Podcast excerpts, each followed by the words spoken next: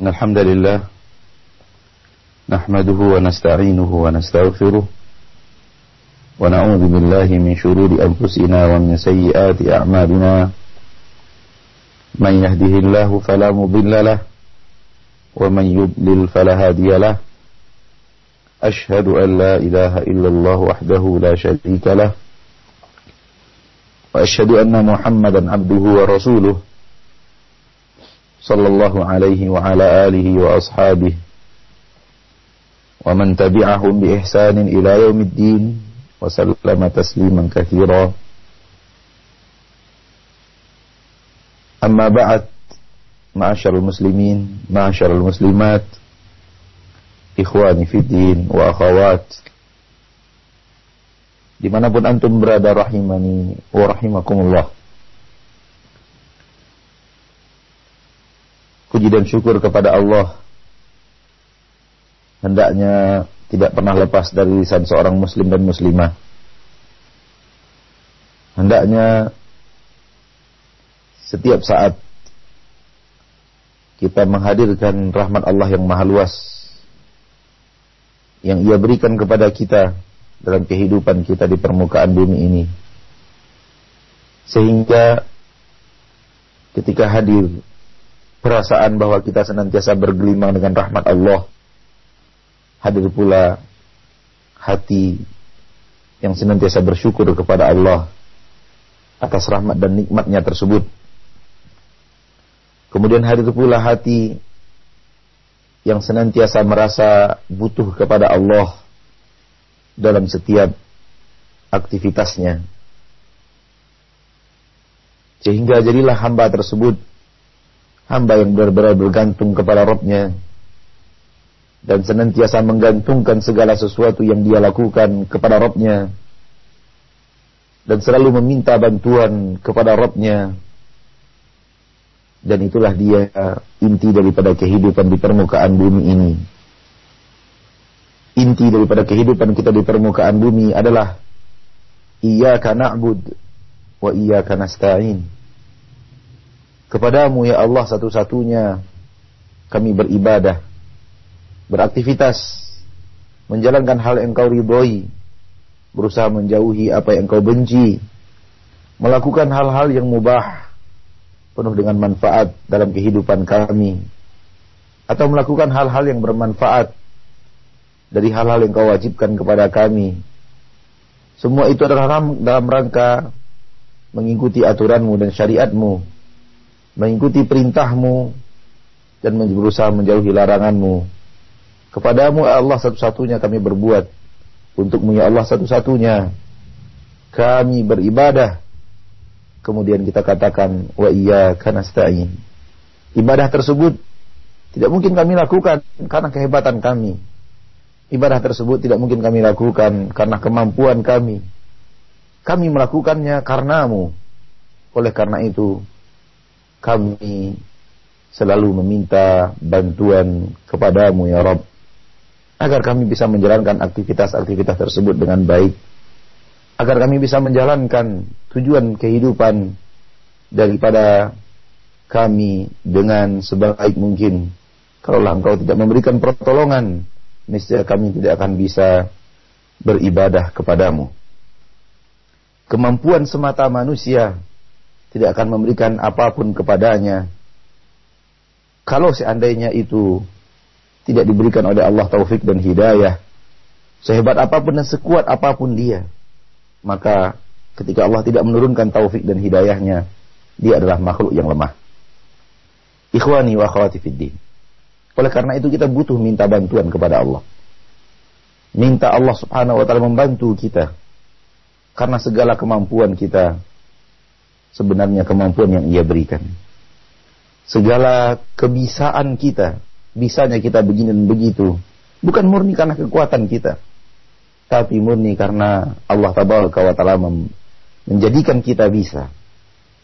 Tidakkah Anda melihat seorang yang rajin berolahraga, badannya sehat, jasmaninya kekar, otot-ototnya berisi, dan dia adalah seorang instruktur di salah satu tempat olahraga, di salah satu arena fitness di salah satu klub fitness terbaik di permukaan bumi. Dia adalah orang yang sehat luar biasa, ototnya baja, lakukan tubuhnya, masya Allah tabarakallah. Begitu kuatnya dia mengangkat alat-alat berat, begitu kuatnya dia memainkan alat olahraga yang sangat kuat dan sangat berat. Tapi kenapa dia tidak bisa mengangkat pelupuk matanya di saat adan berkumandang di subuh hari? Kenapa si otot baja tersebut tidak mampu mengangkat pelupuk matanya di saat dia mendengar suara adan? Bukankah dia orang kuat? Bukankah kekuatan itu bermanfaat untuk hal yang sangat berat? Kenapa hal yang ringan membuka pelupuk mata dia tidak sanggup? Mana kekuatan fitnessnya? Mana kehebatan olahraganya? Mana kesehatan jasmaninya? Kenapa tidak bermanfaat semua itu untuk membuka pelupuk mata, mengambil air wudhu dan kemudian berdiri sembari mengucapkan Allahu Akbar sampai Assalamualaikum? Fahamlah kita bahwa kekuatan semata yang dimiliki manusia bukanlah sesuatu yang bisa dihandalkan untuk beribadah kepada Allah. Oleh karena itu ibadah kita membutuhkan pertolongan dari Allah Makanya kita senantiasa menjadi hamba yang hati kita tergantung kepada Allah Subhanahu wa taala. Masyaallah muslimin. Dan itulah yang terbaik untuk seorang hamba. Hatinya yang senantiasa merasakan ketergantungan hidupnya kepada Allah penciptanya. Apabila ini hilang dari kehidupan seorang insan, maka hilanglah hidayah dari dirinya. Hilanglah hidayah dan hilanglah, hilanglah pertolongan Allah dan taufik dari Allah tabaraka wa taala apabila dia tidak merasa lagi dia butuh Allah dalam kehidupannya. Di dalam berjalan kita butuh Allah. Di dalam menulis kita butuh Allah, di dalam menyetir kita butuh Allah. Di dalam makan kita butuh Allah, di dalam minum kita butuh Allah. Dan itu wajib kita hadirkan di dalam hati kita. Tampaknya kita tidak mampu apa-apa. Tampaknya kita tidak akan bisa mengangkat gelas dengan tangan kanan kita. Betapa banyak orang-orang yang bergelar ulama. Betapa banyak orang-orang yang bergelar kiai. Betapa banyak orang-orang yang bergelar ustadz. Betapa banyak orang-orang yang bergelar orang alim. Tangan kanannya tidak mampu mengangkat gelas ke mulutnya. Hanya tangan kiri yang mampu. Padahal pekerjaan memindahkan gelas dari tangan kiri ke tangan kanan adalah pekerjaan yang mudah. Kenapa dia tidak mampu? Kenapa dia tetap masih minum dengan tangan kiri? Padahal dia tahu Rasulullah SAW melarang minum dengan tangan kiri. Semua ini bukti bahwa taufik dan hidayah di tangan Allah Taala. Dan gelar bukanlah sesuatu yang patut untuk dibanggakan. Kalau aplikasi dan kenyataan di lapangan kita menyelisihi sunnah dan syariat Rasulullah Shallallahu Alaihi Wasallam. Izinkan saya mengatakan dan semoga apa yang saya katakan itu diridhoi oleh Allah tabaraka wa taala. Kalau seandainya apa yang akan saya ucapkan ini dibenci oleh Allah dan tidak diridhoi oleh Allah, semoga Allah mengajarkan saya yang lebih baik daripada itu. Orang yang tidak mampu mengangkat air minum dari gelas ke mulutnya dengan tangan kanan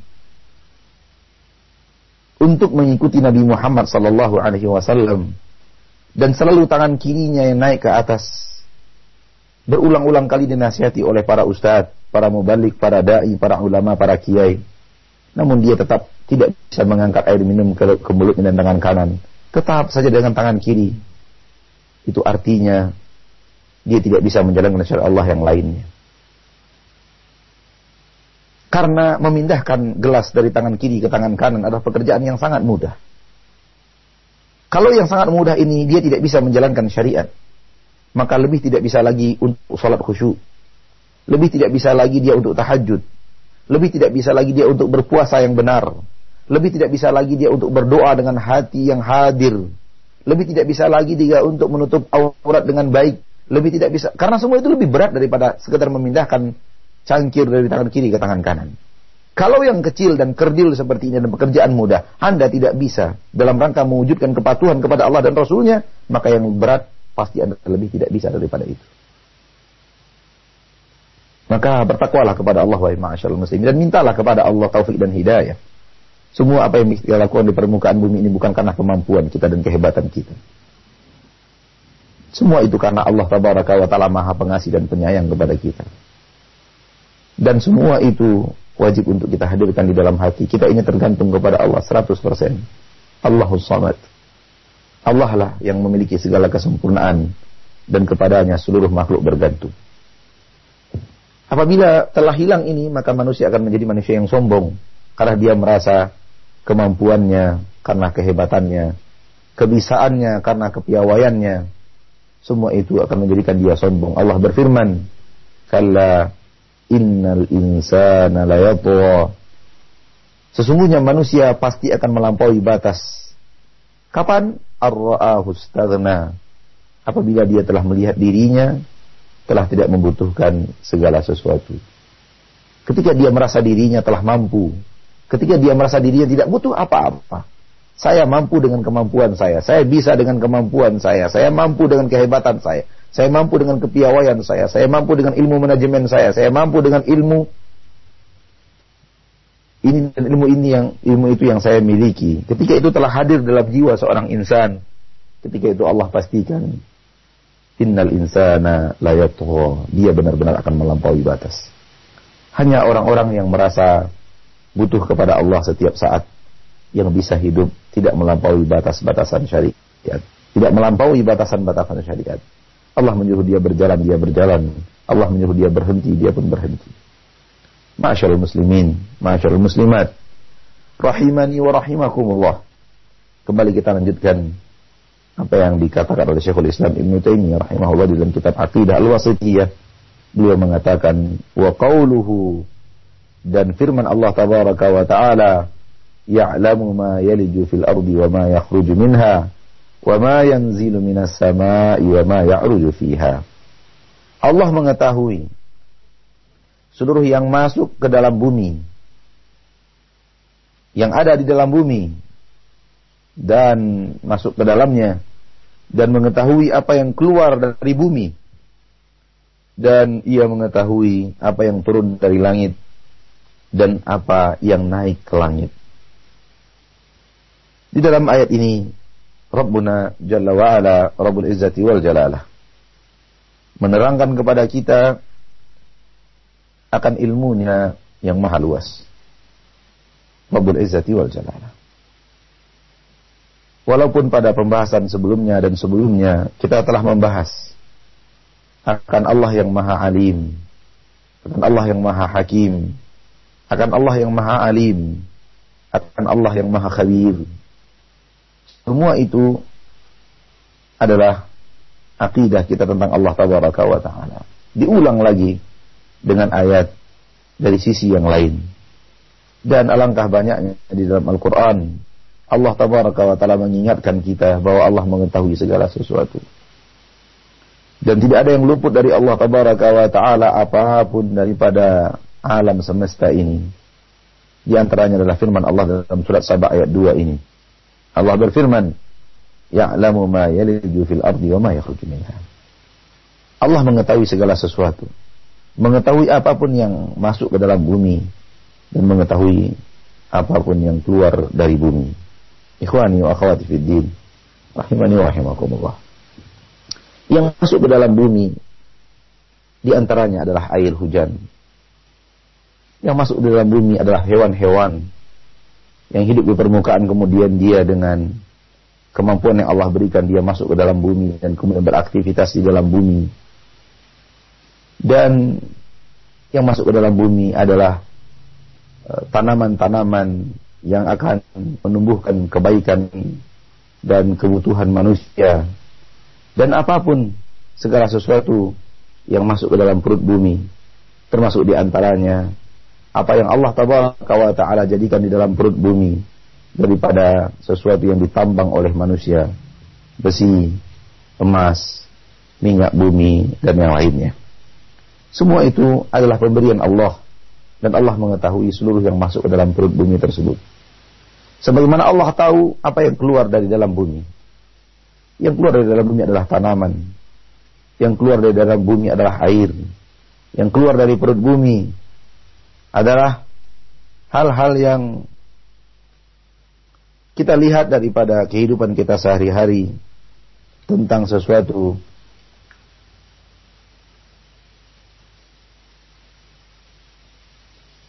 tentang sesuatu yang senantiasa kita saksikan keluar dari bumi Allah Subhanahu wa taala. Semua itu masuk ke dalam firman Allah Subhanahu wa taala. Allah mengetahui seluruh yang keluar dari bumi Allah Subhanahu wa taala. Masyaallah muslimin, kemudian Allah Subhanahu wa taala mengatakan, "Wa ma yanzilu minas sama wa ma ya'ruju fiha." Allah mengetahui apa yang turun dari langit ke bumi. Seperti turunnya air hujan, seperti turunnya wahyu, turunnya malaikat, turunnya rahmat Allah tabaraka wa taala dan turunnya azab Allah Rabbul Izzati wal Jalalah. Semua itu datang dari langit. Turunnya Al-Quran. Turunnya perintah Allah setiap hari. Turunnya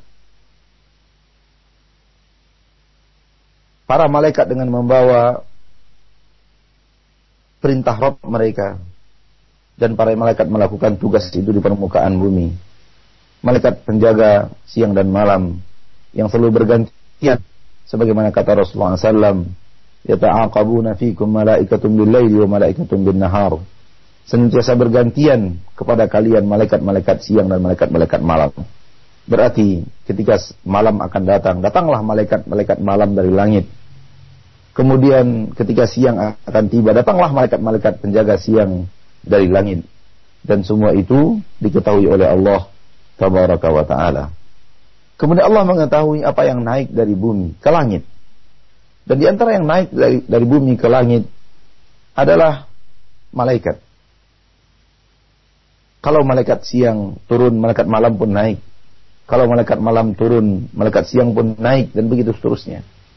Dan pergantian mereka itu adalah di sholat subuh dan sholat asar. Begitu yang dikatakan Nabi Muhammad Sallallahu Alaihi Wasallam. Di antara yang naik ke langit adalah butiran-butiran air yang kemudian Allah takdirkan singgah di awan yang Allah takdirkan untuk turunnya hujan ke permukaan bumi. Allah mengetahui segala sesuatu yang naik, menguap, dan naik ke langit. Di antara yang naik ke langit adalah doa yang dipanjatkan oleh seorang mukmin kepada Allah Taala. Doa yang ikhlas, doa yang penuh dengan hati, doa yang dihadiri oleh keyakinan yang sangat kuat, doa yang disertai oleh keikhlasan dan syarat-syarat terkabulnya doa akan naik menembus langit pertama, langit kedua, langit ketiga sampai dia bertemu dengan Robnya. Dan Robnya mengabulkan doa tersebut dan hasil daripada doa yang dikabulkan akan mendatangkan kebaikan untuk seorang hamba. Di antara yang naik ke langit adalah amal saleh. Walau dia selain doa. Amal saleh akan naik. Allah berfirman di dalam Al-Quranul Karim. Ilaihi yas'adul kalimut tayyib wal amalu salihu yarfa'u. Kepadanya lah naik. Kepada Allah subhanahu wa ta'ala naik. Al kalimut tayyib. Kata-kata yang suci. Kata-kata yang ia cintai, yang ia ridhoi. Dan kata-kata yang paling ia ridhoi adalah dakwah di jalan Allah subhanahu wa ta'ala. Wa man ahsanu qawlan mimman da'a ilallah. Siapa lagi yang terbaik ucapannya daripada orang-orang yang mengajak ke jalan Allah. Amar ma'ruf nahi mungkar adalah di antara perkataan manusia terbaik di permukaan bumi. Oleh karena itu, para nabi dan para rasul diutus ke permukaan bumi untuk menjadi al-amir bil ma'ruf, orang yang mengajak kepada yang ma'ruf, wa nahi 'anil munkar, orang yang melarang manusia daripada pekerjaan yang mungkar.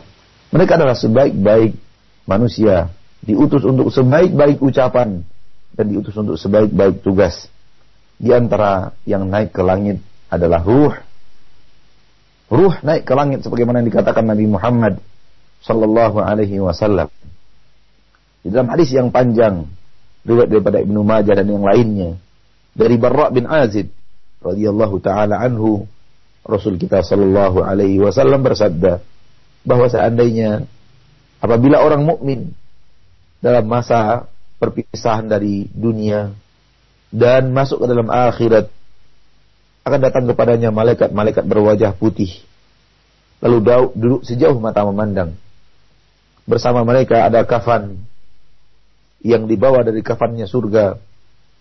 Dan kemudian bersama mereka ada parfum yang dibawa juga dari surga setelah itu datang malaikat maut dan berkata kepada ruh ya Tuhan nafsul mutmainnah ukhruji ila maghfirati minallahi wa ridwan. Wahai jiwa yang tenang, keluarlah menuju ampunan Rabbmu dan keluarlah menuju ridho Rabbmu. Maka jiwa itu pun, ruh itu pun dengan mudah keluar dari jasad. Karena dia bahagia keluar dari jasad. Dia diberikan kabar gembira oleh malaikat keluarnya kepada ampunan Allah. Keluarnya kepada ridho Allah tabaraka wa ta'ala. Fatasilu kama yasilul ma fi fisiqa. Dia pun keluar dengan mudahnya dari jasad bagaikan keluarnya air dari mulut ceret. Dari mulut ceret, masyaallah muslimin, alangkah mudahnya air keluar. Seperti itulah mudahnya keluar roh orang mukmin dari jasadnya. Akan tetapi yang mudah itu tetap sakit. Akan tapi yang mudah itu tetap berat. Apalagi yang tidak mudah. Lalu kemudian ketika ruh itu keluar, ruh itu keluar dengan aroma parfum yang luar biasa, harumnya, wanginya.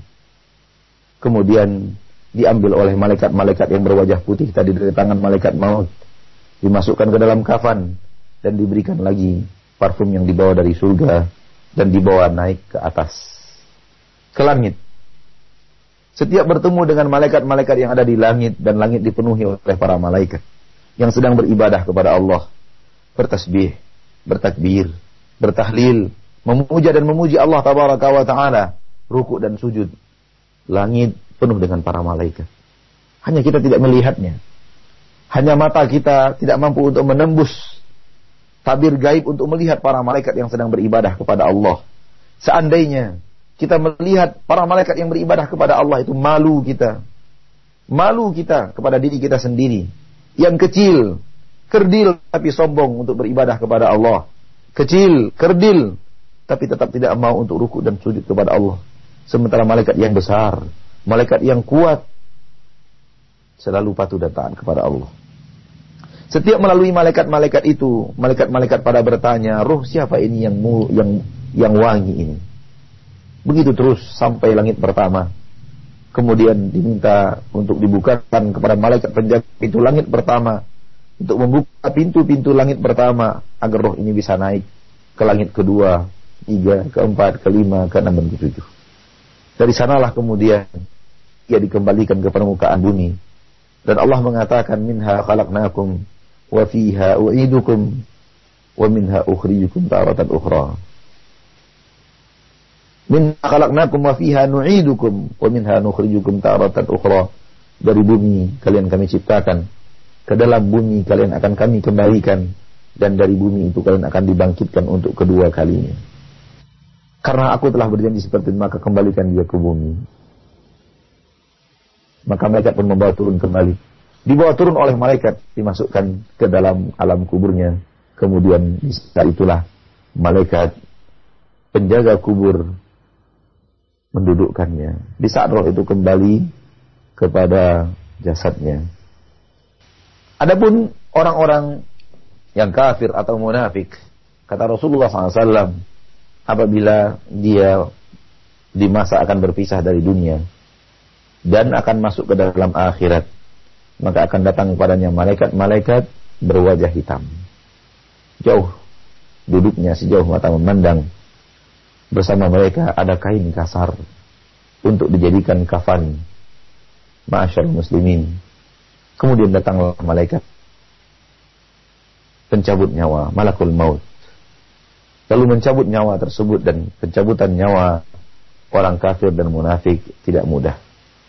Apalagi ditambah dengan ucapan malaikat yang memberikan kabar petaka kepadanya, "Ukhruji ya Tuhan nafsul khabithah, ukhruji ila sakhatin minallahi wa ghadab."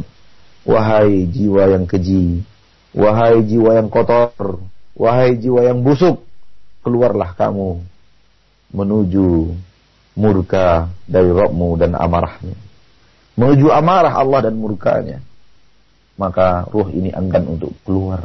Karena diberikan kabar yang tidak baik oleh malaikat. Dan dia harus keluar. Saatnya dia harus keluar. Fa'idha ja'a ajaluhum la yastakhiruna sa'ata wa la yastaqdimun. Ketika ajal telah tiba, tak sedikit pun bisa diundur. Sebagaimana tak sedikit pun bisa dimaju dimajukan tidak bisa, diundur tidak bisa. Sesuai dengan takaran waktu yang telah Allah tetapkan kepada setiap Bani Adam. Namun keluarnya tidak semulus keluarnya roh orang mukmin. Keluarnya dipaksa oleh para malaikat, oleh malaikat pencabut nyawa. Keluarnya dipaksa oleh malaikat yang mencabut nyawa. Sehingga kata Rasulullah SAW, bagaikan kalian memaksa anak panah yang memiliki mata panah yang banyak lalu kemudian melekat di kain berjenis wol lalu kalian berusaha mencabutnya itu akan membuat putus kain-kain tersebut benang-benang tersebut itulah yang terjadi dalam pencabutan nyawa orang-orang yang kafir, orang munafik, orang-orang yang akan tutup usia di permukaan bumi dengan su'ul khatimah. Oleh karena itu kita menemukan mereka teriak, oleh karena itu kita menemukan mereka terbelalak. Oleh karena itu kita menemukan mereka mulutnya ternganga, lidahnya terjulur dan semacamnya. Naudzubillah, tsumma naudzubillah. Ini adalah indikasi dari indikasi su'ul khatimah. Ma'asyarul muslimin, ma'asyarul muslimat, rahimani wa rahimakumullah. Setelah roh itu berhasil dicabut oleh malaikat maut, kemudian malaikat-malaikat yang berwajah hitam tadi memasukkannya ke dalam kait kafan yang kasar yang dibawa oleh mereka dibawa naik ke langit ke atas setiap berpapasan dengan malaikat-malaikat yang ada di langit yang sedang beribadah malaikat itu bertanya ruh siapa yang busuk ini sampai di langit pertama dimintakan untuk dibuka pintu langit pertama namun tidak ada izin dari Allah pencipta langit dan bumi pencipta langit dan pintu-pintunya tidak ada izin untuk malaikat untuk membukakan pintu Kemudian Rasulullah SAW membacakan firman Allah Tabaraka wa Ta'ala. Innal ladina kafaru bi ayatina wastakbaru anha. La tufattahu lahum abwabus sama wa la yadkhuluna al-jannata hatta yalijal jamalu fi samil khiyat. Sesungguhnya orang-orang yang kafir kepada ayat-ayat kami dan sombong kepada ayat kami tersebut. Sombong, tidak mau beribadah kepada Allah, tidak mau patuh dan taat kepada Allah hidupnya di dunia tidak untuk menjadi hamba Allah tabaraka wa taala. Enggan untuk rukuk dan sujud, enggan untuk jujur kepada Allah, enggan untuk memuraqabah Allah dalam kehidupannya, enggan untuk merasa butuh kepada Allah, sombong dengan segala kemampuan, sombong dengan segala fasilitas, sombong dengan segala jabatan, sombong dengan segala popularitas, sombong dengan segala galanya sombong dengan ketampanan, kecantikan, sombong, sombong dengan kemolekan tubuh dan yang lainnya, sombong dengan sesuatu yang tidak pantas untuk disombongkan pada dasarnya, karena semua itu milik Allah yang sedang Allah berikan dan amanah yang akan dipertanggungjawabkan. Akan tapi dia sombong. Dan sombong yang paling hebat adalah sombong kepada Allah. Ketika kita kaya, kaya raya dan kita menyombongkan diri kita kepada orang miskin, ada titik kewajaran walaupun itu tidak boleh. Wajarlah orang kaya sombong di depan orang miskin. Ada titik kewajaran karena dia memiliki harta yang jauh lebih banyak daripada apa yang dimiliki oleh orang fakir. Ada titik kewajaran walaupun itu tidak boleh. Namun sombong kepada Allah dari titik mana kita melihat wajarnya? Kewajaran apa yang ada pada sombongnya seorang insan kepada Allah Taala? Sehingga ketika Allah perintahkan kita tidak mau patuh. Ketika Allah larang kita tidak mau berhenti. Ketika Allah menyuruh kita maju, kita pun duduk. Ketika Allah menyuruh kita berhenti, kita pun berlari. La haula wa la quwata illa billah. Apa yang bisa kita sombongkan kepada Rabbul Izzati wal Jalalah?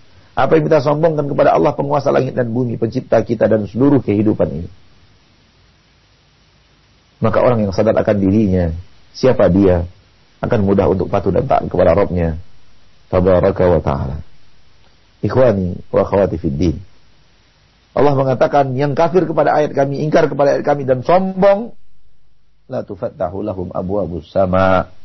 Tidak akan dibukakan untuk mereka pintu-pintu langit. Mereka ingin naik ke langit kedua, ketiga, keempat, kelima, keenam, ketujuh. Seperti halnya orang mukmin, roh orang mukmin, tapi tidak dibukakan untuk mereka pintu langit. Ini menunjukkan bahwa Allah tabaraka wa taala enggan untuk menaikkan mereka dan tidak mau untuk menaikkan mereka ke langit yang lebih daripada langit pertama. Karena orang seperti ini tidak pantas untuk dimuliakan.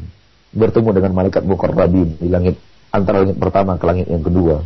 Bertemu dengan malaikat mukarrabin antara langit kedua dan ketiga, antara ketiga dan keempat, antara keempat sampai kelima, yang lima sampai ke enam, yang enam sampai ke tujuh. Mereka tidak pantas untuk di, diangkat setinggi itu. Orang-orang mukminlah yang pantas untuk mendapatkan kemuliaan dari Allah Rabbul Izzati wa Jalalah karena mereka yang telah berletih dan bersusah payah untuk menghambakan diri mereka kepada Allah dan mereka yang senantiasa mencari jalan menuju Allah yang mereka yang telah berusaha mati-matian untuk mendekatkan diri mereka kepada Allah mereka haus dan lapar agar Allah ridho kepada mereka mereka mengeluarkan infak dan sedekah agar Allah sayang kepada mereka mereka menjauhkan dirinya dari tempat tidur dan ranjang yang empuk untuk mengharapkan ridho dan bisa mendekatkan diri mereka kepada Allah. Wajar kalau mereka diangkat naik ke langit ketujuh. Sehingga mereka lebih dekat kepada Rabbnya. Tabaraka wa ta'ala Rabbul Izzati wal Jalal. Karena memang usaha mereka selama ini adalah ingin mendekatkan diri mereka kepada Allah. Tabaraka wa ta'ala. Kafir dan fasik. Ahli maksiat ini tidak berhak untuk itu. Maka dia hanya sampai di langit yang pertama. La tufattahu lahum abwabus sama. Tidak akan dibukakan untuk mereka pintu langit. Tidak hanya sampai di situ. Wala yadkhulunal jannah. Dan mereka tidak akan pernah masuk surga. Hatta yalijal jamalu fi samil khiyab. Sampai unta bisa masuk ke dalam lubang jarum. Artinya apa? Istihalah, mustahil. Tidak akan pernah selamanya unta bisa masuk ke dalam lubang jarum. Oleh karena itu orang yang ingkar kepada Allah dan sombong kepada Allah, tidak mau patuh dan taat kepada Allah, tidak mau mengikuti perintah Allah di permukaan bumi, haram bagi mereka surga. Haram bagi mereka surga. Allah berfirman, "Innahu man yusyrik billah faqad harramallahu alaihi jannah." Orang yang hidupnya berbuat syirik kepada Allah, berbuat kufur kepada Allah tabaraka dan wafat tidak dalam keadaan Islam, yang patuh dan taat kepada Allah, maka Allah haramkan untuknya surga. Masyaallah muslimin dan muslimat. Akan tetapi pembahasan kita bahwa roh ini pun naik ke langit. Namun hanya sampai ke langit yang pertama. Kemudian Allah suruh malaikat untuk mengembalikannya ke dalam jasadnya. Akan tapi beda dengan orang mukmin. Orang mukmin diantar kembali sebagaimana dia dijemput. Namun orang kafir, orang fasik, orang yang fajir, munafik itu dilemparkan saja di langit pertama. Dilemparkan ke bawah. Begitu nasib mereka. Waliyahzubillah. Sampai mereka kembali ke jasad. Datanglah malaikat yang mendudukkan mereka dan bertanya tentang tiga hal dari hal yang kita ketahui bersama. Masyaallah muslimin intinya adalah Allah tahu apa yang masuk ke dalam bumi, apa yang keluar dari bumi. Allah tahu apa yang turun dari, dari langit dan apa yang naik ke langit. Dan ini adalah contoh dari apa yang kita ketahui. Dan sungguh apa yang tidak kita ketahui daripada apa-apa yang naik dan turun dari langit ke bumi, bumi ke langit. Apa yang naik masuk dan keluar dari sesuatu ke bumi dan bumi naik keluar jauh lebih banyak daripada apa yang kita ketahui. Yang tidak kita ketahui jauh lebih banyak daripada apa yang kita ketahui. Dan kita yakini semua itu diketahui oleh Allah Subhanahu wa taala. Apa manfaat daripada iman yang seperti ini? Apa manfaat bahwasanya kita meyakini Allah mengetahui ini? Yaitu memberikan penekanan kepada hati bahwa Allah mengetahui segala sesuatu dan tidak ada yang tersembunyi dari Allah segala sesuatu. Seluruhnya diketahui oleh Allah. Kalau dia ada di dalam perut bumi dan volumenya kecil, barangnya sangat kecil dan kerdil, Allah tahu itu dia ada dalam perut bumi, ke mana kita akan lari? Ke mana kita akan bersembunyi, ma'asyal muslimin? Oleh karena itu, para hukama, orang-orang pintar dari kaum muslimin, orang-orang yang cerdas mengatakan kepada murid-muridnya, boleh kalian berbuat maksiat dengan satu syarat. Boleh kalian berbuat maksiat, maksiat dengan satu syarat, yaitu lakukan maksiat itu di tempat yang tidak terlihat oleh Allah. Kalau kalian bisa mencari tempat yang tidak akan terlihat oleh Allah, silahkan berbuat maksiat di sana. Dan alhasil bahwa maksiat tidak akan terjadi karena sesungguhnya tidak ada tempat yang tidak terlihat oleh Allah Subhanahu wa taala. Tahukah kita apa yang telah membuat air mengalir di sungai? Kenapa air sungai itu tidak pernah berhenti? Apa yang mengairinya? Tahukah kita kenapa ada air terjun? Kenapa air tidak pernah berhenti mengalir?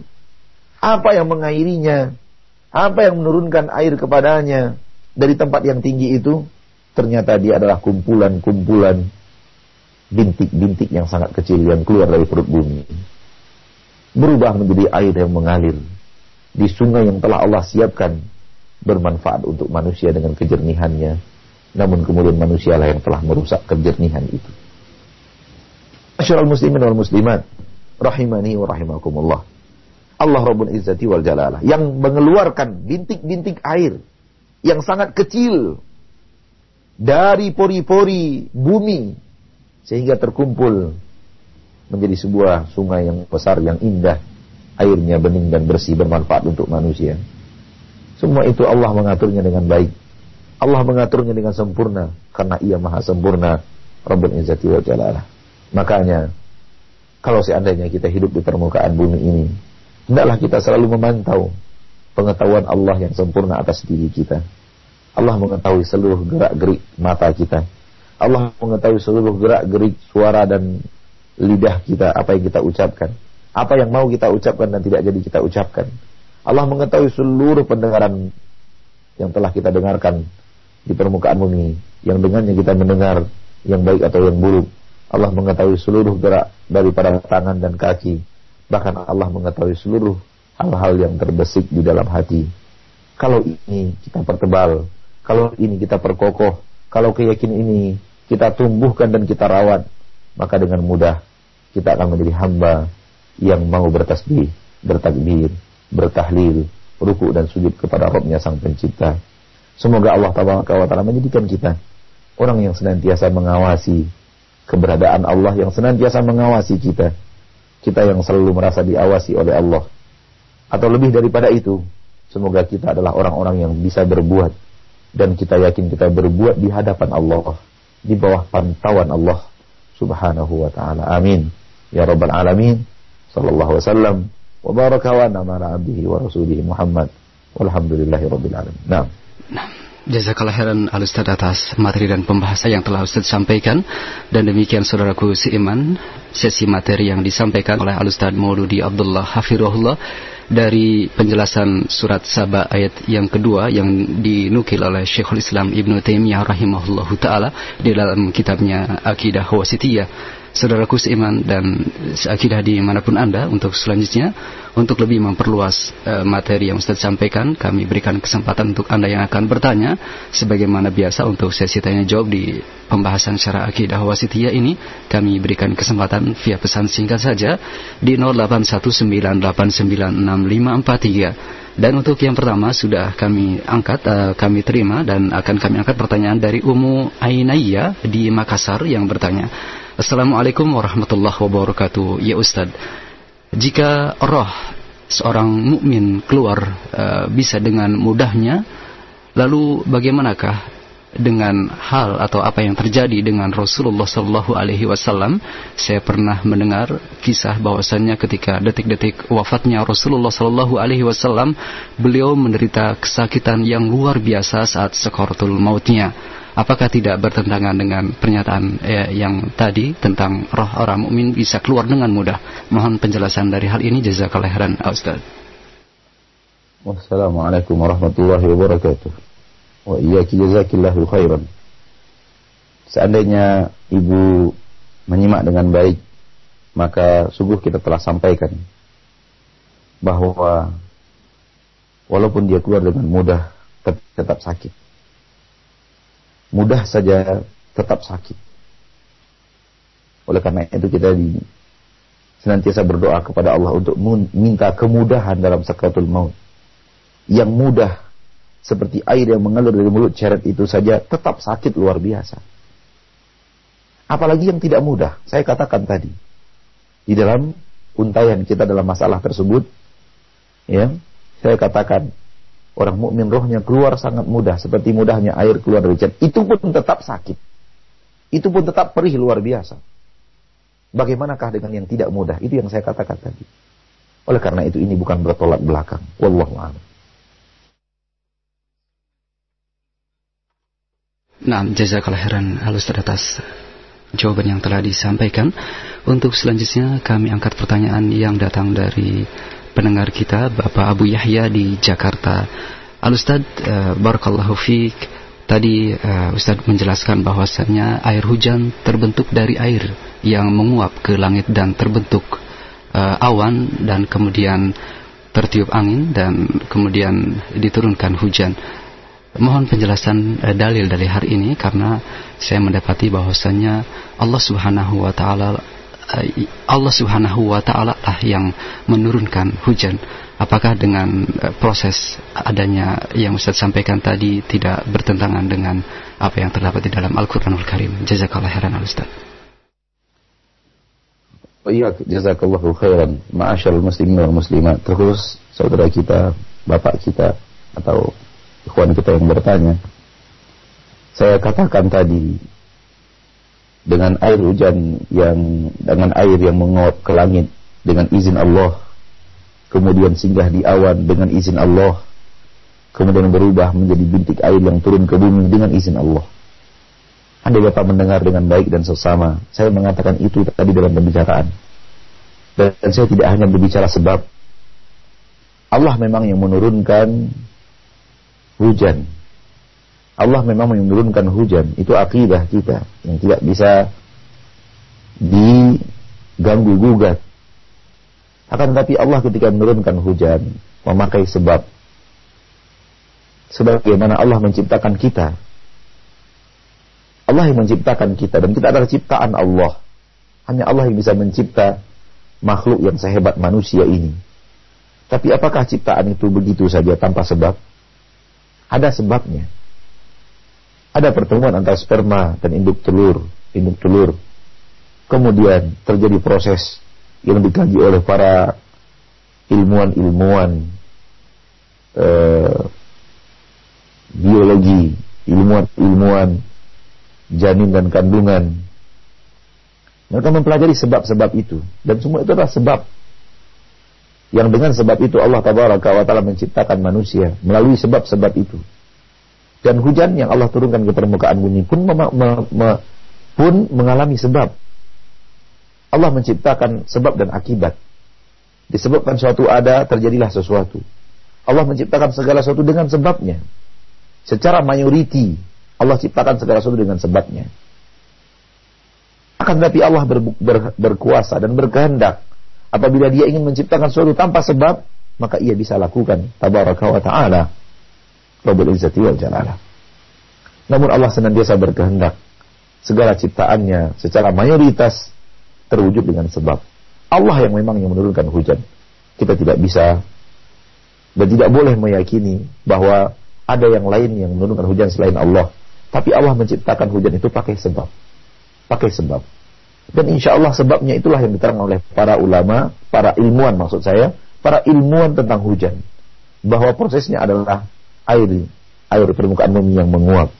Kemudian berkumpul di udara, di dalam awan dan awan itu lambat laun menjadi tebal, hitam, kemudian turunnya hujan ke permukaan bumi dari awan tersebut. Dan hujan turun dari awan dan itu firman Allah tabaraka wa taala dalam Al-Qur'an. Antum anzaltumuhu minal muzni am nahnu munzilun dalam surah Al-Waqi'ah. Tafsir daripada Al-Muzni kata para ulama as-sahab, awan.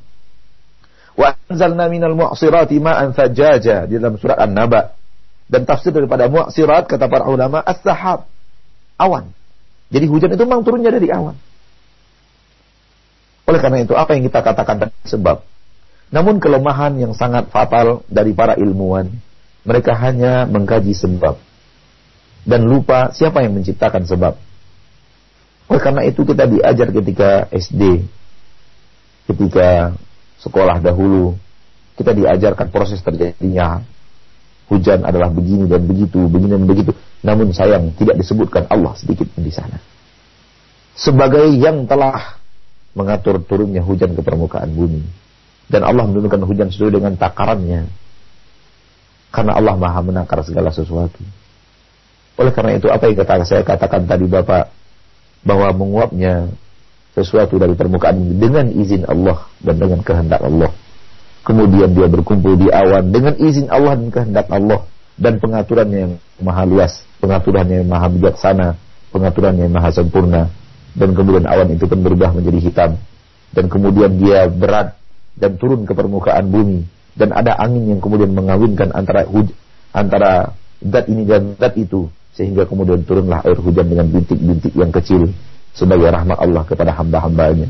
Semua itu yang berbuat Allah tabaraka wa ta'ala bukan hanya proses alamiah sebagaimana yang ditanamkan kepada kita oleh mereka-mereka yang ingin menjauhkan kita dari tirok kita yang ingin menjauhkan kita dari penguasa langit bumi dan pencipta langit dan bumi wallahu taala alam Jazakallah heran alas atas jawabannya. Masih kami angkat pertanyaan yang datang dari pesan singkat. Ada dua penanya yang menanyakan hal yang sama dari uh, Bapak Imam dan satu penanya yang tidak menyebutkan uh, identitasnya yang bertanya Assalamualaikum warahmatullahi wabarakatuh. Al Ustaz mohon penjelasan ciri-ciri seseorang uh, mati di dalam husnul khatimah ciri-ciri seseorang wafat di dalam husnul khatimah dan saya pernah melihat seseorang yang jarang sholat akan tetapi pada waktu sakaratul maut eh, eh, hanya kelihatan napasnya yang terhenti begitu saja. Apakah dengan demikian merupakan tanda eh, Allah Subhanahu wa taala memberikan husnul khatimah kepadanya? Mohon penjelasannya jazakallahu khairan Ustaz. Waalaikumsalam warahmatullahi wabarakatuh wa iyyak muslimin ma'asyarul muslimat. Ketika kita hidup di permukaan bumi patuh dan taat kepada Allah patuh dan taat kepada Rasulullah jalankan syariat dengan baik maka besar harapan bahwa kita akan tutup usia kita di atas al-husn kebaikan yang sering kita sebut dengan husnul khatimah. Baik penutupnya bagus akhir daripada usia kita. Penutupnya, ending akhirnya adalah sesuatu yang baik.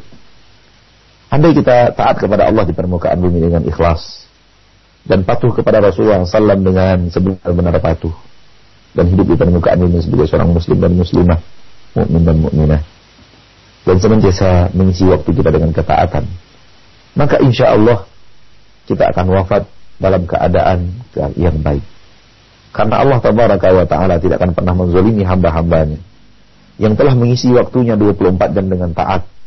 Tidaklah mungkin Allah akan tutup usianya dengan su'ul khatimah. Sebaliknya, orang-orang yang Allah berikan kepada orang-orang yang mengisi umurnya dan, dan waktunya dengan kemaksiatan dan tidak mau untuk patuh dan taat kepada Allah. Perintah Allah Subhanahu wa taala mereka abaikan. Larangan-larangan Allah Subhanahu wa taala menjadi hobi dan kebiasaan ini kemungkinan besar mereka akan tutup usia di atas sesuatu yang su, yang buruk, yang sering kita namakan dengan su'ul khatimah, buruk di penghabisannya, buruk di ending akhirnya. Masyaallah muslimin wal muslimat. Akan tetapi perlu kita ketahui bahwa su dan husun adalah ilmu gaib. Su'ul khatimah atau husnul khatimah gaib. Kita tidak tahu. Kita tidak mengerti, kita tidak paham. Kalau kemudian kita melihat indikasi dan ciri-ciri, kita hanya berkata mudah-mudahan. Kita hanya berkata saya berharap. Contoh. Di antara ciri-ciri husnul khatimah kata Nabi Muhammad SAW, seseorang mukmin meninggal dengan adanya peluh dan keringat di jidatnya ketika kita melihat ada orang yang meninggal, jidatnya penuh dengan keringat, kita berkata, mudah-mudahan. Kita berkata, kita berharap ayah kita berangkat dengan husnul khatimah. Atau yang lainnya misalnya Allah subhanahu wa ta'ala mentakdirkan ayah kita wafat di hari Jumat. kita pun berkata mudah-mudahan. Atau kemudian Allah kita Allah Subhanahu wa taala mewafatkan ayah kita dengan cara tenggelam. Allah Subhanahu wa taala mewafatkan orang yang kita cintai dengan cara adanya bangunan-bangunan yang runtuh lalu menimpa menimpa beliau. Ini di antara indikasi, di antara indikasi bahwa seseorang akan mendapatkan husnul khatimah. Masyaallah muslimin akan tetapi semua itu hanya harapan. Ilmu pasti ada di sisi Allah Subhanahu wa taala. Kemudian berhubungan dengan pertanyaan, ada orang yang jarang sholat. Ada orang yang kelihatannya bukan orang yang ahli agama. Namun ketika wafatnya kelihatan sangat mudah. Apakah itu tanda-tanda husnul khatimah? Kita berkata mudah-mudahan. Kita berkata kita berharap seperti itu. Karena kalau seandainya su'ul khatimah, itu biasanya indikasinya adalah dia kewalahan. Dia kepanasan. Dia teriak. Matanya terbelalak lidahnya terjulur dan semacamnya dan dia menggelepar bagaikan ayam yang disembelih namun tidak sempurna penyembelihannya sehingga menggelepar terus dan menggelepar terus dan tidak selesai-selesai.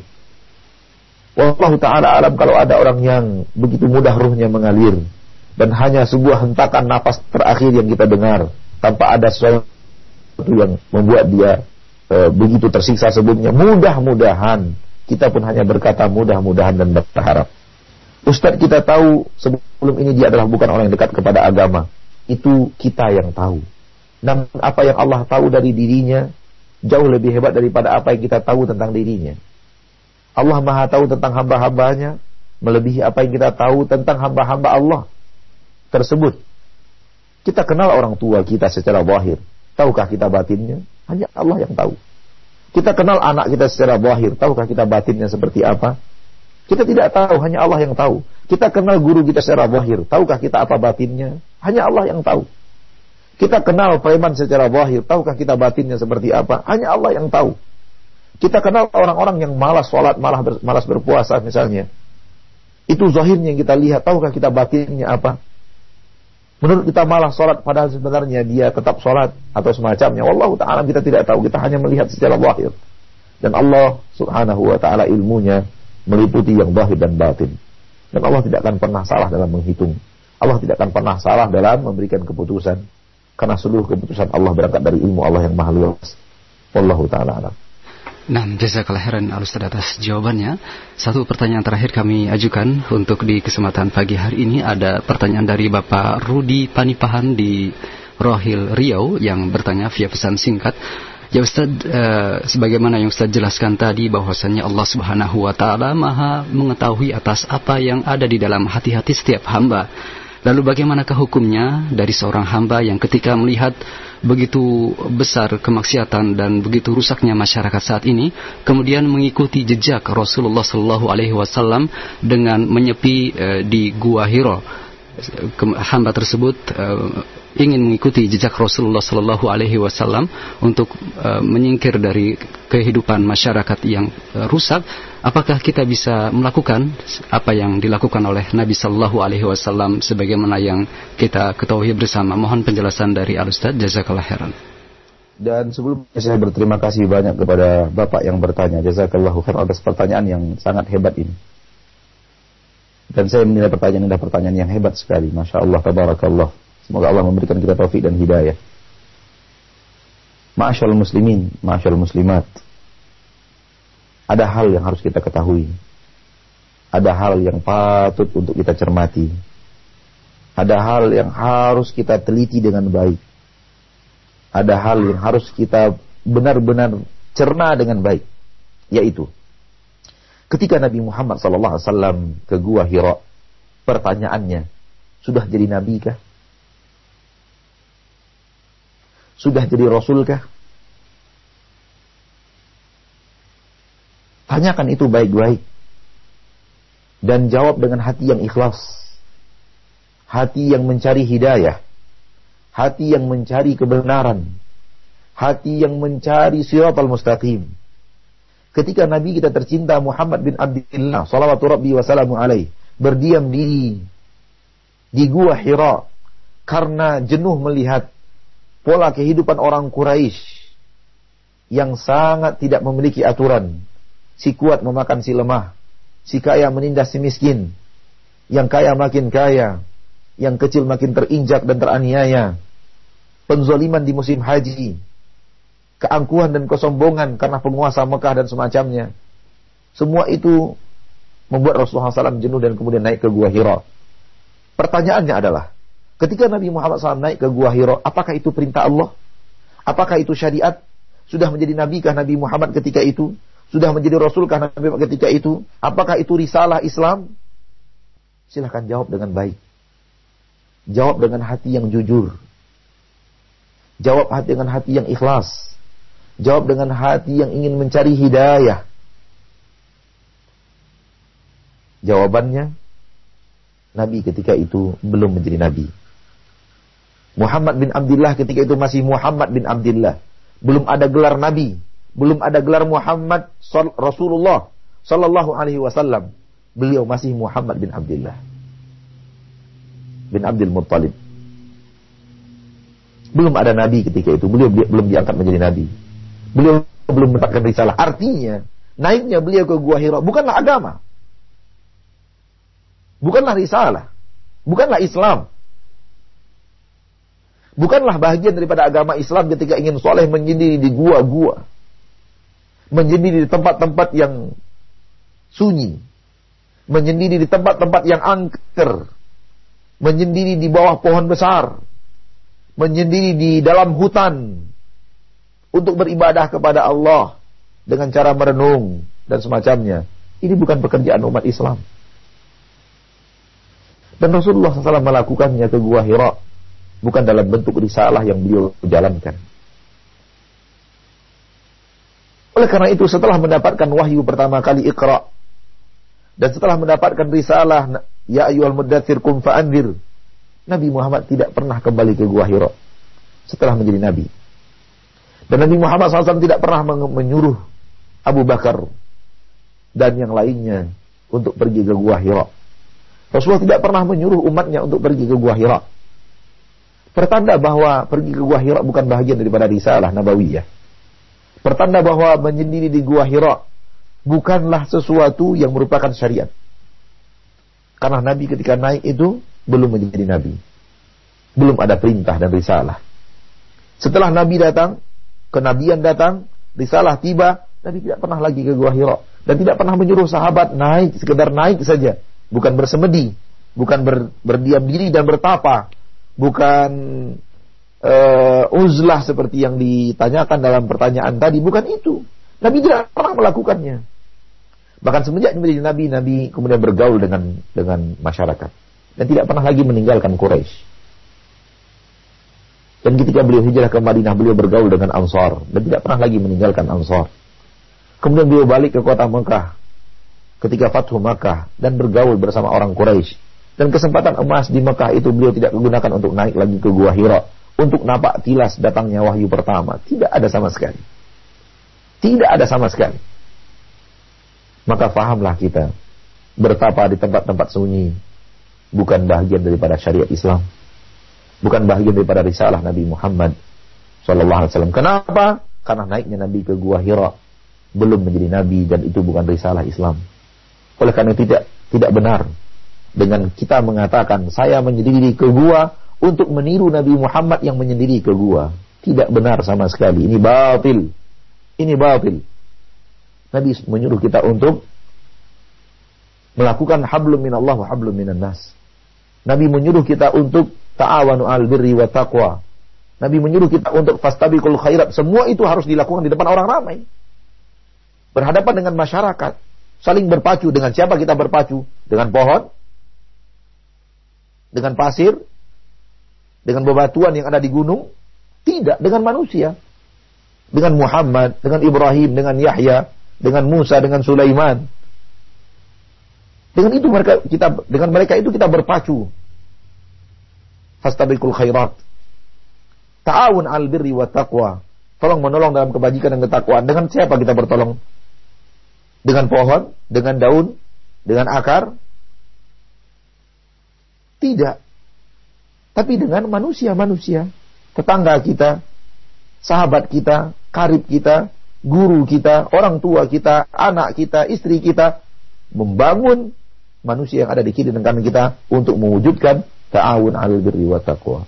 Jadi agama Islam tidak pernah mengajarkan kita untuk mencari kesolehan dengan cara menyendiri.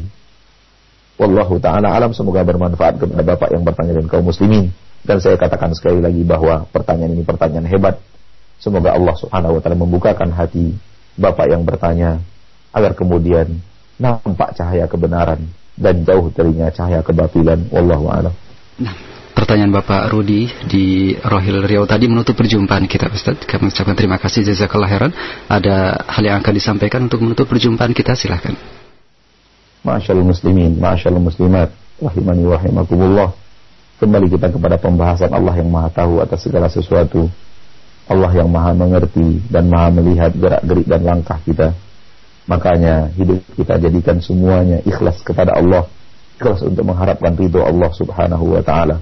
Sallallahu wasallam wa baraka wa an'ama ala abdihi wa rasulihi Muhammad. Subhanakallahumma wa bihamdik, asyhadu an la ilaha illa anta astaghfiruka wa atubu ilaik. Wa rabbil alamin. Wassalamualaikum warahmatullahi wabarakatuh.